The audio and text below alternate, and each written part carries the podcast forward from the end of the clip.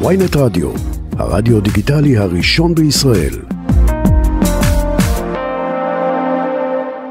אז הנה כאמור הפוסט הזה שראיתי אותו סוחב את הפייסבוק ממיליון אנשים ששיתפו אותו אה, וכולם לועגים לו ואני רציתי להציג אולי זווית אחרת אבל בואו נתחיל פוסט המנגו המפורס...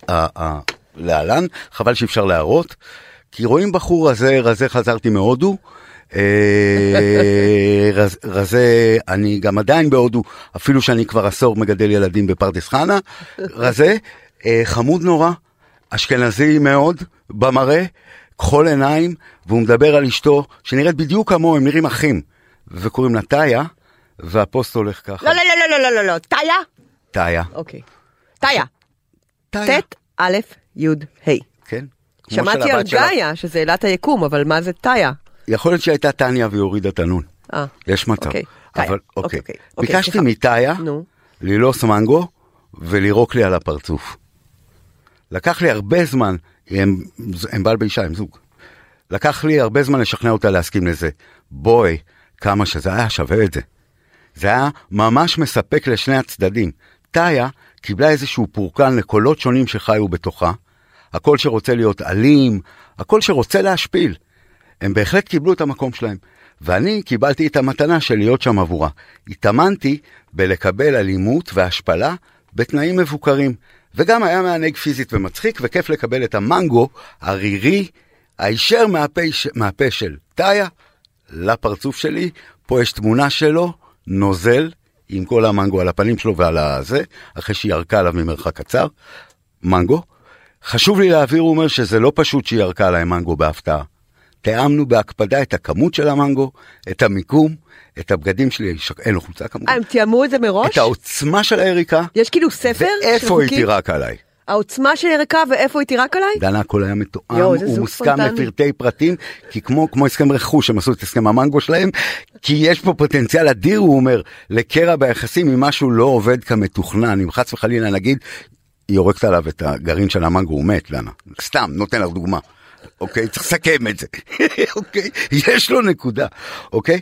עכשיו, הוא אומר, אה, אה, אם קורה טעות, הפוטנציאל לקרע זוגי הוא גדול, זה מאוד מסוכן, הוא אומר, אתגר המנגו, ככה גם הפוטנציאל לכן בגלל שיש סיכון יש גם פוטנציאל לחיבור ולריפוי, לפעולה זוגית עוצמתית יש אפקט חזק. היו יצירתיים ויצירתיות, קחו יוזמה ביחסים, נסו את זה בבית.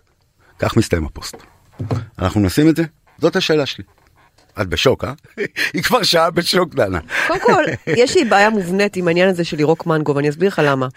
מנגו הוא מסוג הפירות השנואים, בדומה לאבוקדו, שכבר, זה מזון שכבר ירקו אותו. אוכל ואנשים פלוט. אוכלים, זה אוכל פלוט. זה- אנשים אוכלים משהו שגמל, לעס, הוא כבר במשך חמש מראש שעות קודם. במרקם שלו נפלא, מראש הוא נורק הטעם. מאלוהים. והטעם הוא כבר יד שנייה, זה לא ממש טעם חזק, זה אומאמי כזה של יד שנייה של פליטה של תינוק, אז בשביל מה לירוק אותו? אתה כבר מראש אוכל את זה ירוק, כאילו, זה אחת הבעיות שיש כן. לי עם. הפוסט הזה. אה, אתה רוצה שנמשיך בשעה אחר כך? כי יש לנו את יצחק על הקו? כן, אני אגיד לך משהו, אבל... יש לי עוד הרבה דברים להגיד על זה. אבל יש רגע, פה משהו גאוני, כן. נכון. יש פה קטע. זה לשבור צלחת, כאילו, נכון, היוונים שוברים צלחת, מי שבר צלחת יודע שזה כיף. יודע שזה כיף לשבור פיזית, הבורגנות, כן, את ההרגלים, היוונים שזה בא מאמין- לא מהעמוק. מתאמים אחד עכשיו, עם השני, יפה. יושבים בכרכור או פרדס חנה וכותבים Bible שלם לאיך ומתי הם ישברו צלחת, איזה סדנה, גודל היא תהיה, האם יש ריטריט, הסכמה לזכור את פותחים סדנה זוגית. פותחים ממש ריטריט על הסיפור הזה של לזרוק צלחת. כל הקטע זה לזרוק צלחת, זה כל הרעיון. עכשיו, אם אתה תעבור לידי ותעיף לי סטירה, בשביל הפאן, כאילו לא סטירה כואבת, כזה פאף. חלום. אוקיי, אבל זה יהיה מגניב. זה חלום. יעורר אותי מהאדישות שלי. כאילו, זה יהיה... אף מגיע לך. זה יהיה סיכון אמיתי. כן. אם אתה תשב ותתאם איתי מראש, שאתה הולך להעיף לי את הפליק הזה הקטן, Mm. שימריץ אותי ויעיר אותי, אז, אז מה עשינו בזה? כאילו, מה... לא נכון, יש משהו... וגם מה יש לטאיה? לא, למה היא לא, למה היא לא. רבה איתו? למה היא צריכה פה- לאגור אלימות בתוכה? למה היא צריכה לחכות עד שייתנו לה לירוק מנגו, מסכנה? כדי להוציא את הקולות השתוקים שבתוכה. למה היא לא מאווררת אותה מדי בוקר עם איזה פליק על הטוסיק של הבחור? הוא גבר משתף. הוא מעוניין שאשתו? תוציא את הזעם הכבוש שלה. למה הוא כבוש?